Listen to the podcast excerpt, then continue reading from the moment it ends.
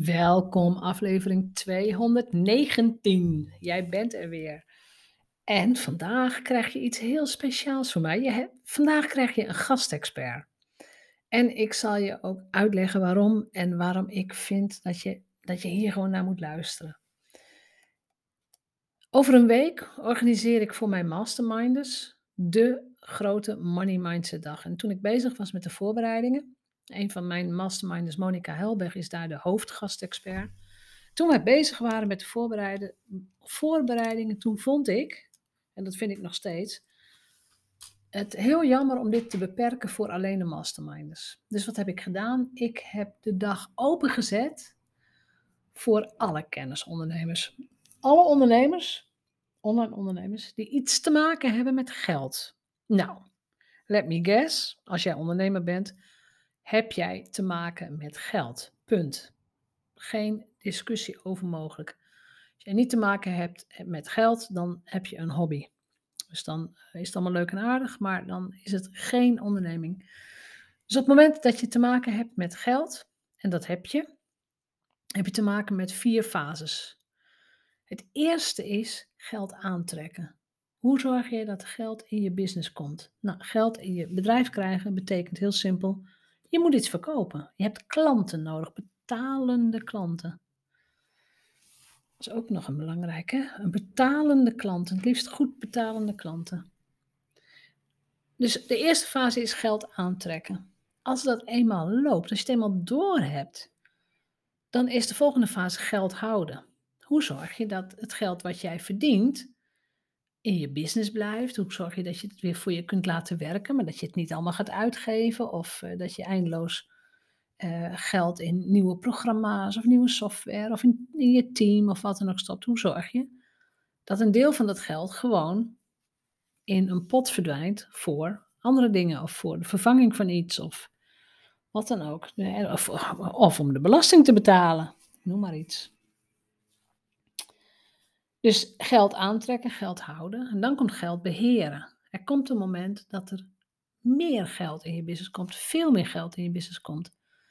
En dan komen er andere opties in beeld. En dan zou je kunnen gaan investeren in crypto coins of in vastgoed of in andermans bedrijven. Of het kan van alles zijn. Maar hoe doe je dat? Hoe zorg je dat je nou ja, meerdere inkomstenstromen krijgt? Hoe zorg je dat het geld wat je hebt voor jou gaat werken. Daar gaan we ook een begin mee maken op die dag. En aan het eind van de dag, dus in het laatste blok, gaat iedereen individueel werken aan zijn of haar eigen 1 miljoen euro plan. We namen daar al eerder een podcast samen over op. Podcast 2. Ik zoek het nu voor je op. Welk nummer dat is. Dat is podcast 213. 213. Um, want als jij geen 1 miljoen euro plan hebt, zal het nooit, weet je, zal het nooit waarheid worden. Op het moment dat jij een plan hebt van ja, ik wil 30.000 euro per jaar verdienen en dan ben ik al tevreden, dan heb ik het nieuws voor jou dat je dan ook op dat niveau blijft. Dus als je ook maar ietsje meer van jezelf gaat vragen, dan, uh, nou, dan heb je een plan nodig wat wat ambitieuzer is. En waar je niet per se harder voor hoeft te werken. Probeer het ook maar tussen je oren te krijgen. Je hoeft niet harder te werken. Er zijn allerlei manieren om meer omzet te krijgen zonder dat je meteen harder werkt. Goed, maar deze podcast waar je naar gaat luisteren is opgenomen uh, voor de podcast van Monica zelf, de Miljoenmethode. En in deze podcast gaat ze in op uh, het verschil tussen inkomen versus omzet. Dus wat is voor jou, wat is voor de ander en nou ja, wat is het verschil? Ze gaat ook in op uh, eventuele mogelijkheden die je hebt, de eventuele mindset die erbij hoort en ook de valkuilen die er zijn. Dus ze praat hierin ook over haar eigen methodiek. Die komt uit, uh, uit, het, uit haar boek, Financieel Succesvol Ondernemen. En ik ben ontzettend blij en dankbaar dat wij deze aflevering van Monica mogen gebruiken in de Vrijheidsondernemersshow. Uh, want zij heeft hier veel meer verstand van dan ik hiervan heb natuurlijk. Dit is haar expertise. En ik ben ontzettend trots dat zij op 2 september ook de gastexpert is. En nou, dat we allemaal van haar kunnen gaan leren. En als jij nu meeluistert en weet dat uh, geldmanagement, geldbeheer en ook het aantrekken van geld nog niet jouw allersterkste punt is, ja, doe dan gewoon mee. Weet je? En als je klaar bent voor je 1 miljoen euro plan om dat te gaan maken, doe dan gewoon mee. Je koopt een ticket via de grote Money Mindset dag, via de website. Die zet ik in de show notes. Kun je op doorklikken. Is te vinden via mijn eigen website, jeanettebadhoorn.nl. Uh, en ik wens je gewoon heel erg veel plezier met uh, het luisteren naar Monica, haar expertise. En ik hoop je ook te begroeten op donderdag 2 september. Kun je niet live meedoen, dan krijg je natuurlijk de opname. Het is een betaald product. Dus je krijgt de opname, maar live meedoen is effectiever. Dat zeggen we allemaal en dat is ook zo. Maar goed, veel plezier en tot snel. Welkom bij deze nieuwe aflevering van de Miljoen Methode podcast. Vandaag wil ik het hebben over de I van inkomen. In de Miljoen Methode staat de I zowel voor inzicht als voor inkomen. Nou, waarom financieel inzicht je leven kan redden, hebben we in een eerdere podcast behandeld. En nu gaan we het hebben over inkomen. Nou, ik hoef je natuurlijk niet te zeggen dat inkomen super belangrijk is binnen je bedrijf. Maar ja, mindset speelt hier ook wel weer een hele grote rol. Uh, ik heb natuurlijk gezegd dat mindset het belangrijkste is in je bedrijf, maar de meeste mensen denken dat inkomen het belangrijkste is. Nou, en inkomen is zeker belangrijk, maar het probleem is alleen dat wanneer je niet de juiste mindset hebt, je niet de juiste prijs vraagt. Je kunt miljoenen verdienen, maar net zo snel weer kwijtraken wanneer je niet de juiste mindset hebt. Uh, ja, en een andere reden waarom inkomen niet het belangrijkste is, is omdat het eigenlijk ook niet zoveel zegt. Want als er 10.000 euro per maand binnenkomt, maar er ook weer 10.000 euro per maand uitvliegt, dan heb je er niks aan. Uh, uiteindelijk draait het natuurlijk om winst. Hoe winstgevend is jouw bedrijf? Want je omzet is nog geen inkomen. En winst is het bedrag wat overblijft wanneer je de kosten van je inkomsten afhaalt. Dus van al het geld dat je omzet en wat op je rekening binnenkomt, is uiteindelijk maar een deel voor jou. Want er moet nog BTW af, je hebt misschien inkoopkosten, je hebt sowieso eh, bedrijfskosten en er moet ook nog inkomstenbelasting betaald worden. Nou, stel je voor je hebt 10.000 euro omzet, dan kan het zijn dat je er uiteindelijk maar de helft van overhoudt uh, om daadwerkelijk privé uit te geven wees je daarvan bewust. Je zou niet de eerste ondernemer zijn die zichzelf al uh, 7.500 euro heeft uitbetaald om vervolgens zakelijk in de problemen te komen. Je hebt natuurlijk heel veel verschillende verdienmodellen. Dus uh, ga je daar eens in verdiepen. Het, ja, er zijn uh, sowieso passieve verdienmodellen. Daar ga ik straks even wat meer over vertellen want dat is nog redelijk onbekend. Maar je hebt ook, uh, ja, wat het bekendste is, is het, het actieve inkomen. Dus dat inkomen dat krijg je door er gewoon voor te verwerken. Uurtje factuurtje is daar misschien wel het meest bekende voordeel van, uh, voorbeeld van. Dat je, nou, je werkt een uur en dan vraag je een bepaald bedrag voor. Maar er zijn nog veel meer. En nou, ik zal zo een aantal noemen. Maar Pak gerust ook even internet erbij en dan vind je nog veel meer informatie over verdienmodellen.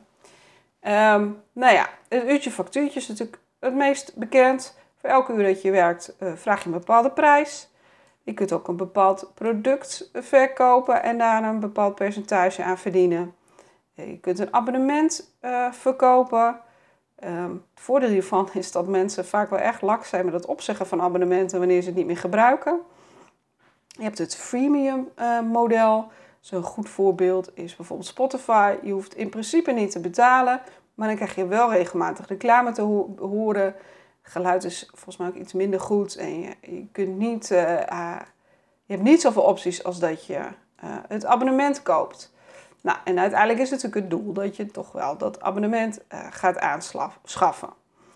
Wat ook nog wel um, gebeurt, dat noemen ze het lokaasmodel. Bijvoorbeeld de koffiebusiness. Het koffiezetapparaat wat je koopt is nog wel redelijk goedkoop, maar dan moet je het met dure cupjes of petjes ofzovoort uh, vullen. Nou, hetzelfde ook met printers. De printer op zich is nog niet zo duur, maar de inkt is wel aan de prijs. Nou, en je hebt ook nog een servicemodel. Dan verkoop je bijvoorbeeld iets voor een redelijk lage prijs, maar biedt daarbij dan een storingsdienst of een servicecontract of iets dergelijks aan. Maar denk ook eens wat uh, breder na. Ehm, ik ken bijvoorbeeld mensen die huren een pand, maar dit is voor hunzelf te groot. En dan verhuren ze daarbij weer een deel aan een andere ondernemer. Um, ik heb bijvoorbeeld een kapper klant gehad. Die salon was best wel groot. En uh, ja, de kosten liepen voor hem wel op. En uiteindelijk zorgde hij dat de kosten gedeeld werden met een schoonheidsspecialist die een stukje huurde. En drie andere zelfstandige kappers die bij hem een stoel huurden. En je hebt natuurlijk ook nog andere manieren voor inkomsten. In Nederland heb je veel fondsen waar je een aanvraag kan doen. Uh, je kunt uh, subsidies uh, regelen. Bij fondsen kan het wel zijn dat je een stichting moet hebben, maar dat is eigenlijk best wel makkelijker dan je denkt. En um, ja, ik zou wel adviseren om dan professionals in te huren die je daarmee kan helpen. Die werken trouwens baas, vaak op basis van no cure, no pay. Dat is ook weer een mogelijk verdienmodel voor jouzelf. Uh, het percentage van de opbrengst die ze krijgen, kun je dan meestal weer verwerken in de begroting. Um, waardoor je per saldo niks kost. Nou, en ik wil ook nog even kort aanstippen: het is geen verdienmodel. En ja, ik hoop natuurlijk dat je er geen gebruik van hoeft te maken. Maar 80% van de ondernemers is niet bekend met de mogelijkheden. Uh, maar soms gaat het als ondernemer wat minder. Of misschien moet je wel stoppen met je bedrijf of je uh, tijdelijk geen inkomen. Dan kun je ook als ondernemer een bijstandsuitkering krijgen. Oftewel, uh, of misschien een lening om, om, ja, dingen, om de bedrijfsbeëindiging te regelen. dus weet in ieder geval dat dat er is en dat je naar de gemeente toe kunt. Um, ja, dan hebben we natuurlijk over de allerbelangrijkste vraag van een ondernemer. Want welke prijs moet je vragen? Nou, dat is nog wel de meest gestelde vraag onder ondernemers. Um, het grote probleem is vaak dat de meeste ondernemers hun prijs bepalen op basis van wat anderen vinden en wat anderen vragen. Maar dat is wel een hele grote fout. Want uh, dan neem je dus de mindset, inclusief de beperkende overtuigingen van die andere persoon, die bepalen jouw prijs. En ja, iemand anders bepaalt jouw waarde. Vaak zonder die waarde zelf ervaren te hebben. Ja, en als je op internet op zoek gaat, eh, kom je ook vaak tegen ja, welk tarief je moet rekenen. En dan zeggen ze vaak, nou maak een overzicht van je kosten en uh, voor levensonderhoud enzovoort. En dan je gewenste inkomen. En dat je dan gaat terugrekenen van, nou, ik heb zoveel uren die ik kan, kan doen. En dan wordt dit mijn tarief of soms wordt er ook omgerekend wat er iemand in loondienst verdient, wordt omgerekend wat je dan als ondernemer zou verdienen. Ja, het is een goede manier om te berekenen wat je minimaal nodig hebt. Maar je moet wel echt rekening mee houden dat zeker in het begin van je bedrijf uh, heel veel uren niet declarabel zou zijn. Maar mijn grote probleem hiermee is dat je de prijs bepaalt op je kosten en niet op basis van je waarde. Um, en dan ligt je doel ook precies op wat je nodig hebt. Nou ja, en je wil natuurlijk meer. Het allerbeste um, is dat je een prijs bepaalt op basis van je waarde. En je doelgroep speelt daar wel een hele grote rol in. Um, er zijn bijvoorbeeld spijkerbroeken voor een tientje maximaal. Maar er zijn ook spijkerbroeken, ja, volgens mij, ik zag laatst een artikel dat er spijkerbroeken zijn van meer dan een miljoen. Maar laten we even hebben over dat er ook spijkerbroeken zijn voor 300 euro. Nou, en het gaat er dus om welke doelgroep je hebt en wie je dat verkoopt. Die, de rijke doelgroep, die zal nooit een spijkerbroek van 10 euro kopen. En uh, ja, de mensen die een minimuminkomen hebben, ja, die kunnen die spijkerbroek van 300 euro natuurlijk niet betalen. Dus ja, je kunt geen 100 euro per uur vragen uh, als je doelgroep mensen bijvoorbeeld een bijstandsuitkering is. Ja, moet je dan minder gaan vragen? Uh, nou ja, je kunt twee dingen doen. je kunt andere vormen van financiering zoeken, waar ik het net over had, subsidies, fondsen en dat soort dingen. Dan hoeft de klant niet zelf te betalen. En je kunt ook een andere doelgroep kiezen. En ja, dat laatste klinkt misschien best wel cru, maar ehm, ja, want je denkt, ja, die andere mensen hebben zo mijn hulp nodig. Maar ja, jij moet ook geld verdienen. Uh, en besef je dat wanneer jij meer verdient, je ook meer mensen kan helpen. En wellicht kun je dan in je vrije tijd wat vrijwilligers doen, werk doen of een aantal mensen pro bono helpen of geld investeren in iets wat deze mensen helpt. Maar jouw eigen financiële situatie, moet er niet onder lijden. Ik kom wel veel ondernemers tegen die uh, ja, hun mindset hier wel in uh, beperkt. Um, dus qua prijzen, ja, wat gebeurt er in je hoofd wanneer ik zeg dat je de prijs die je nu hebt met 25% moet verhogen? Voel je dan onrust opkomen? Voel je jezelf blokkeren? Dan heb je de overtuiging die daarvoor zorgt. Het is heel erg belangrijk dat je bewust wordt van deze overtuiging en hem te lijf gaat. Luister anders de podcast over mindset een keertje. Het probleem van veel ondernemers is dat ze vaak te lage prijzen vragen. Omdat ze hun eigen waarde niet kennen, omdat ze bang zijn dat ze anders geen klanten krijgen, omdat ze niet boven het maaiveld willen uitsteken, omdat anderen zeggen dat dit wel genoeg is, of omdat ze eerlijke prijzen willen vragen. Nou, en zo zijn er nog veel meer redenen. Maar eigenlijk is alles mindset. Uh, een andere oorzaak van je lage prijzen is je eigen waarde niet kennen of een te weinig zelfvertrouwen. Want wanneer je zelf niet achter je prijzen staat, kun je deze ook nooit verkopen. En wat is jouw waarde? En dat is een vraag waar velen mee struggelen en waar veel ondernemers zichzelf tekort doen.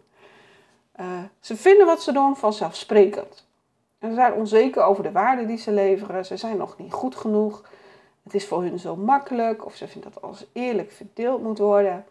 Ja, je hoort het waarschijnlijk al. Het zijn weer allemaal overtuigingen. Uh, dus word je bewust van de overtuiging.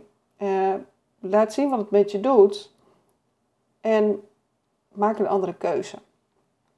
Stel je voor, je denkt na welke prijs je wil vragen. Je komt op 100 euro per uur. Maar ja, dat vind je te hoog, want...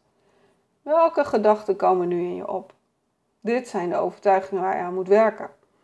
Wanneer je eigen waarde kunt verkopen aan de juiste doelgroep, kun je elke prijs vragen die je wilt. En waar zit jouw waarde dan in? Nou, soms kun je goed je waarde bepalen. Eh, ik heb bijvoorbeeld 2000 euro per jaar bespaard op vaste lasten van mensen. Uh, wanneer je zonnepanelen verkoopt, kun je mensen voorrekenen wanneer ze hun investering terugverdienen. En wanneer je als boekhouder 50 euro per uur kost en de ondernemer zelf eh, 75 euro per uur verdient en ook veel langer doet over zijn boekhouding, dan kun je ook je waarde in cijfers en geld uitdrukken. Maar vaak is het niet zo makkelijk. Kijk, een massage levert een relaxed en gezond lichaam op. Een coaching sessie levert persoonlijke groei op. Een personal of uh, shopper of kapper een nieuwe look. En dat kun je niet altijd in cijfers uitdrukken. Jouw waarde zit hem in het oplossen van het probleem van die persoon. En hoe groter het probleem, hoe meer klanten hiervoor willen betalen. Wanneer je elke dag pijn in je rug hebt, dan heb je er veel voor over om daar vanaf te komen. Maar geldt ook hoe hoger de doelgroep, hoe meer klanten zijn te betalen. Kijk, je hebt een uh, tientjeskapper, um, maar daar komen mensen die veel geld hebben niet. Wanneer je minimaal 50 euro per knipbeurt rekent, uh, ja, dan komen ze wel. De klanten koppelen prijs vaak aan kwaliteit. Nou, of dit altijd waar is, laat ik in het midden. Um, maar het is voor jou als ondernemer wel een goede positie om in te zitten. Een andere optie is om een levensstijl te creëren waarin jouw product past. Apple is daar een heel bekend voorbeeld van. Zijn de Apple-producten veel beter dan andere elektronica? Ja, daar zijn de meningen wel over verdeeld. Maar feit is dat Apple-gebruikers er wel van overtuigd zijn en bereid flink extra te betalen voor hun producten. Ja, en wat gebeurt er dan als je je prijzen verhoogt? Laten we er even vanuit gaan dat je verdubbelt. Stel je voor dat je nu uh, kapper bent en je vraagt 10 euro per knipbeurt. Wanneer je 20 euro per knipbeurt gaat vragen, verdien je een keer zoveel. Maar dan krijg ik minder klanten, hoor ik je denken. Nou, dat is nog maar de vraag. Want veel klanten blijven graag zitten waar ze zitten. Echt vele mensen betalen jaarlijks vele honderden euro's te veel aan hun vaste last omdat ze overstappen eng of te veel moeite vinden. En al vertrekt de helft van je klanten, dan heb je nog steeds dezelfde inkomsten, maar wel een keer zoveel tijd. Die tijd kan je weer steken in werken aan je bedrijf in plaats van in je bedrijf. Of je hebt meer tijd voor jezelf. Daarnaast komt er vaak een beter betalende doelgroep voor terug. Dus denk eens goed na bij het bepalen van je prijs. Van welk probleem los jij op? Welke waarde heb jij? En ehm, ja, de doelgroepkeuze is daarbij ook heel erg belangrijk. Um, dan had ik jullie nog beloofd om wat te vertellen over passief inkomen. Wat is dat? Nou, uh, bijvoorbeeld als je een boek schrijft. Dat schrijf je één keer. En elke keer wanneer iemand het boek koopt, verdient de schrijver een uh, paar euro. Terwijl die misschien wel op vakantie is of uit eten. Het mooie is dat er geen plafond zit aan dit inkomen. Want als je op basis van uren werkt, kun je bijvoorbeeld 40 uur per week werken en je verdient 100 euro per uur.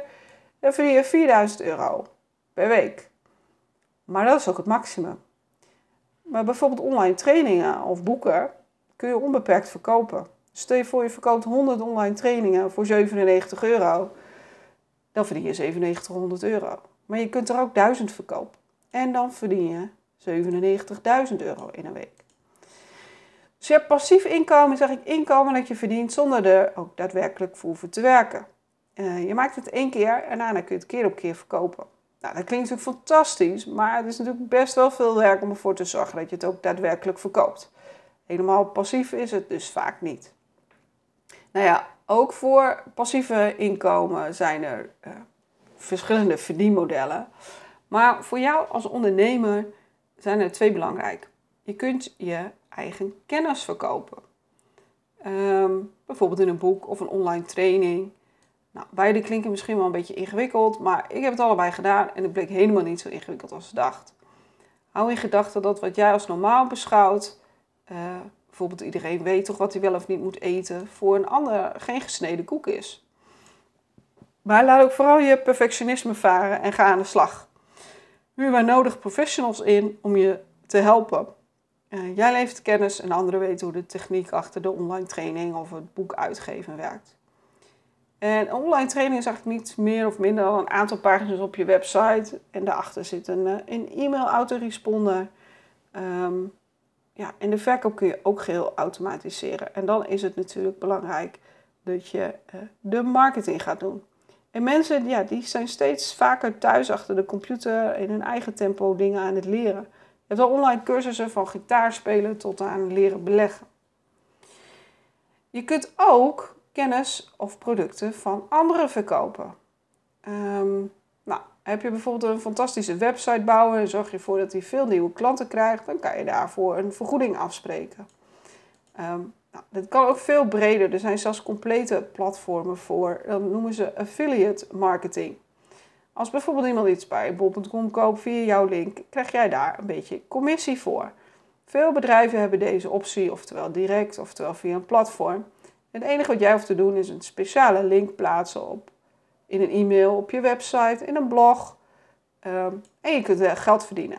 Het is natuurlijk wel belangrijk dat je oplet wat je promoot uh, en of het ook goed is en bij je past. Door wanneer je kapper bent en leningen gaat promoten, klopt dat natuurlijk niet. Um, maar uh, dus promoot wat bij je past. En pas ook wel op, want er zijn ook wat platformen waar ze willen dat je creditcardgegevens achterlaat. Maar nou kijk of het veilig is. Um, en nou ja, andere voorbeelden voor passief inkomen is natuurlijk ook nog beleggen, verhuur van vastgoed, royalties of licenties. Uh, op termijn kun je misschien andere mensen opleiden in jouw methode, een commissie vragen voor hun werk. Ah, ik kan zelfs een franchise starten. Er zijn heel veel mogelijkheden ik moet je, als we het hebben over passief inkomen, wel even hebben over uh, ja, dat er ook veel passieve inkomensmogelijkheden aangeboden worden die niet in de haak zijn. Dat zijn vaak een soort van piramidespellen. Nou, wat houdt dat in? Zolang er maar genoeg nieuwe mensen instromen, houdt de piramide zichzelf in stand. Maar wanneer de instroom stopt, dan klapt alles in elkaar en dan ben je je geld vaak kwijt. Helaas zijn deze mensen vaak wel goed in verkopen en trappen er steeds weer mensen in. Maar doe goed onderzoek voor je ergens instapt. Vertrouw je het niet, doe het dan vooral niet. Nou, tot zover over inkomen. Kijk, ik denk dat het, eh, het verdienmodel wat je kiest, uh, ik zou vooral afstappen van het uurtje, factuurtje uh, verdienmodel en in de richting gaan van een, een pakketprijs waarin jij je waarde levert, dus echt een oplossing geeft voor de mensen. Ehm, maar let daarbij wel op. Ik heb ook al eens iemand die had inderdaad een pakketprijs. Als ik vervolgens vroeg hoeveel uren ze erin stak. En we dat uitrekenen, kwam ze nog op een tientje per uur wat ze verdiende. Dus um, ja, kijk echt heel erg goed naar die prijzen. En ik denk dat het voor 90% van de ondernemers geldt dat je echt je prijzen moet verhogen. Vind je dat heel eng? Um, dan kun je ook beginnen met een kleine verhoging. Uh, of je begint met nieuwe klanten, dat je daarvoor de prijs verhoogt. Dat geeft ook wel weer hele goede mogelijkheden uh, om bij bestaande klanten. Uh, die kan je bijvoorbeeld zeggen: ik ga over een half jaar mijn prijzen verhogen. En je kan nu misschien nog een pakket inkopen voor de oude prijs. Dus kan er ook voor zorgen dat je je omzet nog even een boost geeft. Um, maar 9 van de 10 ondernemers vragen echt veel te weinig voor hun producten en hun diensten. Dus wees kritisch naar jezelf en naar je prijzen. En uh, tuurlijk kun je ook onderzoek doen op internet, maar focus je daar niet te veel op. Want dan is het iemand anders die jouw waarde bepaalt. Um, maar soms kan het ook je ogen openen. Ik heb bijvoorbeeld een klant gehad die zag dat de concurrentie echt een keer zoveel vroeg. Waardoor zij ook de stap durfde te nemen om een keer zoveel te vragen. Ehm, maar ga vooral je prijzen niet verlagen omdat de concurrent minder vraagt. Mensen willen liever kwaliteit en daar iets meer voor betalen. Uh, en ja, tuurlijk zijn er ook mensen die voor een dubbeltje op de eerste rang willen zitten, maar dat zijn over het algemeen niet de fijnste klanten. En ik denk ook niet dat dat een doelgroep is die je moet willen. Nou, ik hoop dat ik je zo uh, wat wijzer heb gemaakt over het stukje inkomen. Uh, het is wel weer heel veel informatie, denk ik. Maar pak eruit uh, waar jij nu mee bezig uh, wil. En daarbij is het misschien nog wel het allerbelangrijkste dat je echt even heel goed gaat kijken naar je verdienmodel en je prijzen. Veel succes ermee. Als je vragen hebt, weet je me te vinden. En tot de volgende podcast. En heb je er wat aan gehad? Zouden ze in goed Rotterdam zeggen, denk ik. Heb je